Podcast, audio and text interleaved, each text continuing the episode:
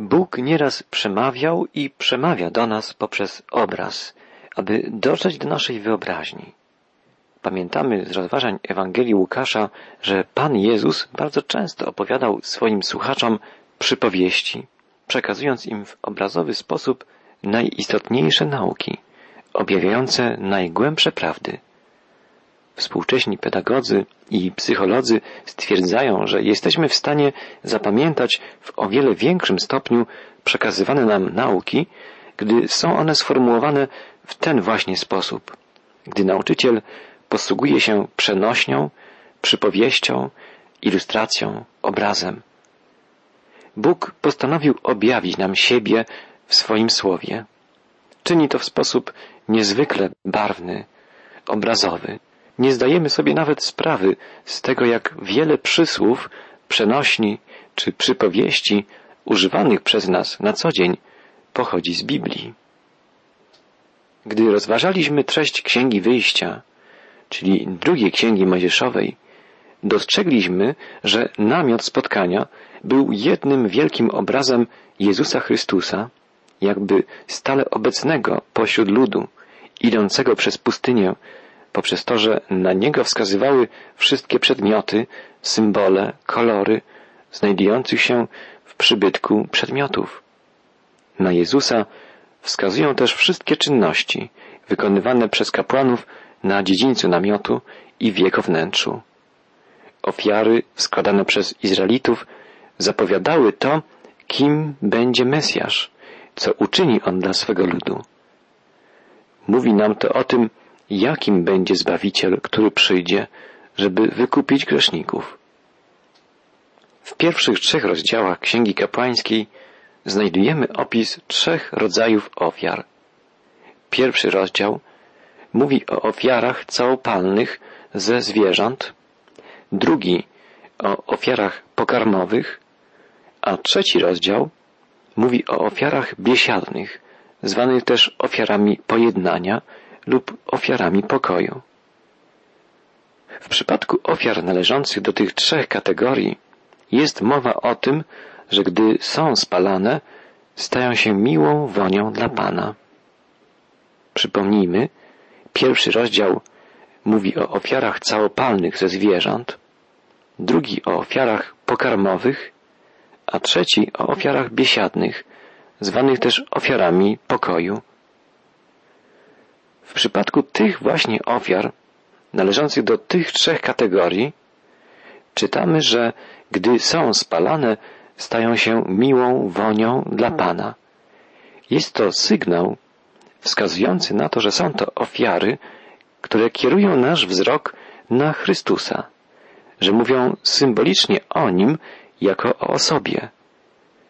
Ofiara całopalna wskazuje na Jezusa jako na naszego zastępcę, czyli kogoś, kto zdecydował się zginąć w nasze miejsce, zamiast nas. Ofiara pokarmowa mówi o tym, jak cudownym i kochającym nas Zbawicielem jest Jezus. Natomiast ofiara biesiadna mówi o Chrystusie jako o kimś, kto oferuje pojednanie, przyjaźń, pokój, zgodę między Bogiem i człowiekiem. Stąd ofiarę biesiadną określamy jako ofiarę pokoju albo ofiarę pojednania. Mamy więc trzy rodzaje ofiar. Ofiary całopalne, pokarmowe i biesiadne. Stają się one podczas spalania miłą wonią dla Pana. Wskazują na osobę Jezusa Chrystusa. Pierwszy rodzaj ofiar, ofiary całopalne, mówią o Chrystusie jako naszym zastępcy. Ofiary całopalne są najwcześniejszymi ofiarami składanymi przez człowieka. Ofiary takie składał już Abel, Noe czy Abraham. Są to ofiary ze zwierząt spalane w całości na ołtarzu. Na dziedzińcu namiotu spotkania spalano je na dużym ołtarzu z brązu, nazwanym z czasem ołtarzem całopalnym. Oczywiście nazwano ten ołtarz w taki sposób właśnie od ofiar, które na nim składano. Spalano je całkowicie. Ofiary całopalne są pierwszą grupą ofiar wspomnianych w Księdze Kapłańskiej ze względu na swoje pierwszorzędne znaczenie. Człowiek nigdy nie zdawał sobie w pełni sprawy z wymowy ofiar całopalnych, a stanowią one obraz umierającego Chrystusa. Apostoł Paweł napisał w liście do Efezjan Chodźcie w miłości, jak i Chrystus, który umiłował was i siebie samego wydał za nas jako dar i ofiarę Bogu ku miłej wonności. Tak, prawdziwą ofiarą wydającą miłą woń dla Pana jest Jezus Chrystus. Czas, by spojrzeć już w tekst Księgi Kapłańskiej. Księgę tę otwierają następujące słowa. Pan wezwał Mojżesza i tak powiedział do niego z namiotu spotkania. Czytamy, że Bóg przemówił do Mojżesza z namiotu spotkania. Nie wzywa już Mojżesza na górę Synaj. Jest obecny wśród swego ludu, w namiocie stojącym pośrodku obozu. Bóg wzywa, Bóg przemawia. Jego głos słyszy ten, kto pragnie go usłyszeć. Bóg i dzisiaj przemawia. Pragnie, byśmy się z Nim pojednali. Kościół jest wspólnotą powołanych, wspólnotą tych, którzy chcą słuchać głosu Pana. Apostoł Paweł tak napisał w pierwszym liście do Koryntian. Podczas gdy Żydzi znaków się domagają, a Grecy mądrości poszukują, my zwiastujemy Chrystusa ukrzyżowanego. Dla Żydów wprawdzie zgorszenie, a dla pogan głupstwo. Natomiast dla powołanych i Żydów, i Greków, dla powołanych zwiastujemy Chrystusa, który jest mocą Bożą i mądrością Bożą. Powołani to nie ci, którzy usłyszeli, ale ci, którzy usłuchali, którzy poszli za głosem Pana. Musimy odpowiedzieć sobie na pytanie, ty i ja, czy usłyszeliśmy głos Boga i czy zareagowaliśmy na Boże wezwanie we właściwy sposób? Przeczytajmy następne wersety pierwszego rozdziału Księgi Kapłańskiej. Bóg wydaje Mojżeszowi polecenia odnośnie zwierząt, które mogą być składane jako ofiara całopalna. Czytamy wiersz drugi i trzeci. Mów do Izraelitów i powiedz im, jeśli kto z was zechce złożyć dar z bydląt dla Pana, niech złoży go albo z cielców, albo z mniejszego bydła. Jeżeli chce złożyć na ofiarę całopalną dar z bydła, niech weźmie samca bez skazy i przyprowadzi go przed wejście do namiotu spotkania, aby Pan przyjął go łaskawie. Bóg mówi, jeśli ktokolwiek z was zechce złożyć dar. Dar może złożyć każdy. Ważne, by uczynił to z własnej, nieprzymuszonej woli. Pan Jezus powiedział, ktokolwiek pragnie, niech przyjdzie. Jest to zaproszenie dla całej ludzkiej rodziny. Nikt nie jest pozbawiony szans, nikogo się nie wyklucza. Wykluczyć można jedynie siebie samego, zatykając uszy na głos Boga. Bóg stawia tylko jeden warunek. Jeśli ktoś pragnie, możesz odpowiedzieć, nie chcę, ale jeśli pragniesz, On wzywa cię, byś przyszedł, byś zbliżył się do Niego. Tylko On może sprawić, że Twoje życie będzie życiem spełnionym, życiem szczęśliwym. Prorok Izajasz tak formułuje wezwanie Pana. Nurze, wszyscy, którzy macie pragnienie, pójdźcie do wód. Tak, każdy może przyjść do Jezusa, jeśli tylko tego zapragnie. Na ofiarę całopalną mogły być składane dwa rodzaje zwierząt. Samce bydła rogatego, czyli młode woły, i samce strzody, czyli młode barany lub kozły. Nie można było składać na ofiarę zwierząt dzikich. Zwierzęta drapieżne nie były składane w jakiejkolwiek ofierze w ogóle. Drapieżniki żyjące dzięki temu, że zabijają inne, słabsze zwierzęta, nie mogłyby wskazywać na Jezusa, który przyszedł, żeby oddać swoje życie dla ratowania ludzi. Następnym wymogiem było to, że zwierzę ofiarne musiało być bez skazy i nie mogło być upolowane, lecz musiało pochodzić z własnej hodowli. Tylko zwierzę o pełnej wartości, cenne i drogie właścicielowi mogło być złożone w ofierze, która zapowiadała śmierć Jezusa Chrystusa. Bóg nie oszczędził własnego Syna. Chrystus cierpiał na krzyżu, a Jego Ojciec cierpiał w niebie. Zwierzę wyhodowane przez właściciela jest mu uległe. Widziałem kiedyś, jak mój dziadek prowadził na ubój barana. Baranek posłusznie szedł za nim. Nawet położył łeb w miejscu, w którym miał być ścięty. Chrystus jest barankiem Bożym. Jest sługą. Jest posłuszny aż do śmierci. Ofiara całopalna składana była przez tych, którzy pragnęli zbliżyć się do Boga. W języku hebrajskim ofiara całopalna to olach, co oznacza coś unoszącego się w górę. Trzeba podkreślić, że była ona całkowicie trawiona przez ogień. Stąd nazwa ofiara całopalna. Na ołtarzu pozostawał tylko popiół. W pierwszym rozdziale Księgi Kapłańskiej czytamy trzykrotnie, w wersecie dziewiątym, trzynastym i siedemnastym, że ofiara całopalna jest miłą wonią dla Pana. Cytowaliśmy już wypowiedź apostoła Pawła z listu do Efezjan, iż Chrystus wydał samego siebie za nas jako dar i ofiarę Bogu ku miłej wonności. A więc ofiara całopalna objawia to, co Bóg Ojciec widzi w ofierze swego Syna. Ty lub ja możemy dostrzegać w Chrystusie różne wartości.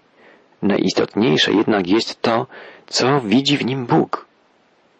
Bóg mówi w Piśmie Świętym, że jest usatysfakcjonowany tym, co uczynił Jezus dla zgładzenia Twoich i moich grzechów. Dla Boga śmierć Jezusa na krzyżu jest wystarczającą zapłatą za nasz grzech.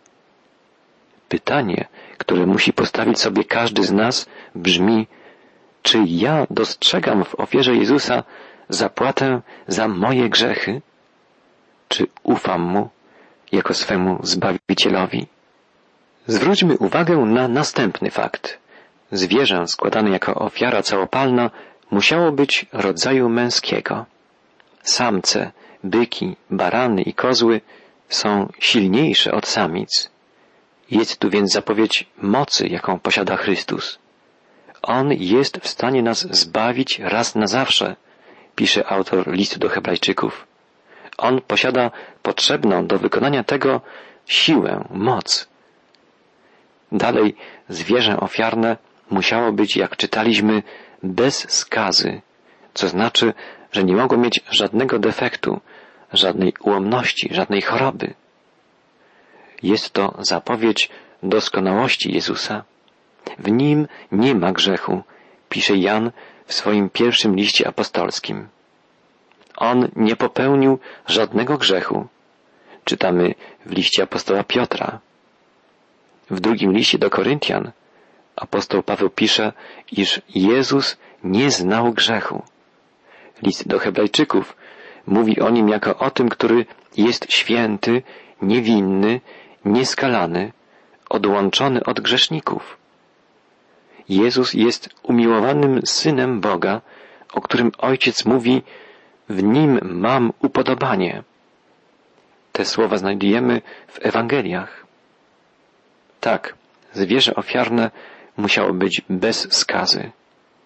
Musiało być zabite, żeby grzesznik mógł być przyjęty przez Boga. Wymagana była ofiara życia. Chrystus również musiał umrzeć, aby zbawić grzeszników. Czytamy w Ewangeliach, że kiedy Jezus umarł, zasłona w świątyni rozdarła się. To śmierć Chrystusa otwarła drogę do Boga. Była to zasłona pomiędzy miejscem świętym a najświętszym. Zasłona ta była obrazem ciała Jezusa. Tak czytamy w liście do Hebrajczyków w dziesiątym rozdziale. Doskonałe życie Jezusa ukazuje, jak dalecy jesteśmy od Boga, jako grzesznicy. Życie każdego człowieka powinno być takie, jak życie Jezusa, czyli doskonałe. Życie Jezusa jest dla nas standardem, wzorcem, wzorem do naśladowania. Wiemy, że nie potrafimy żyć tak jak Jezus. O Chrystusie Bóg Ojciec mógł powiedzieć, to jest mój umiłowany Syn. W nim mam upodobanie.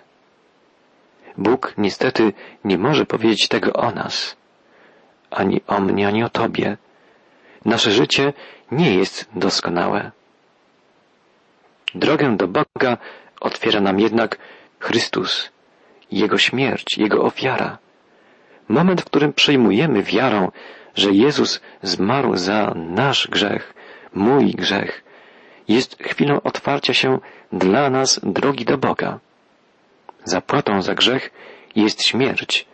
Jezus umarł, mimo że był bez grzechu. Zmarł za nasz grzech, za mój i Twój grzech. Zmarł w zastępstwie za mnie i za Ciebie.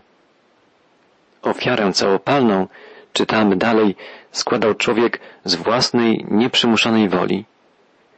Nie musisz przychodzić do Jezusa. Możesz przyjść do Niego, jeśli tego pragniesz. Jednak jeśli pragniesz być zbawiony, musisz przyjść do Niego. Nie ma innej drogi do Boga, jak tylko poprzez Chrystusa. Czytamy w Ewangelii Jana słowa Jezusa. Nikt nie przychodzi do Ojca, jak tylko przeze mnie.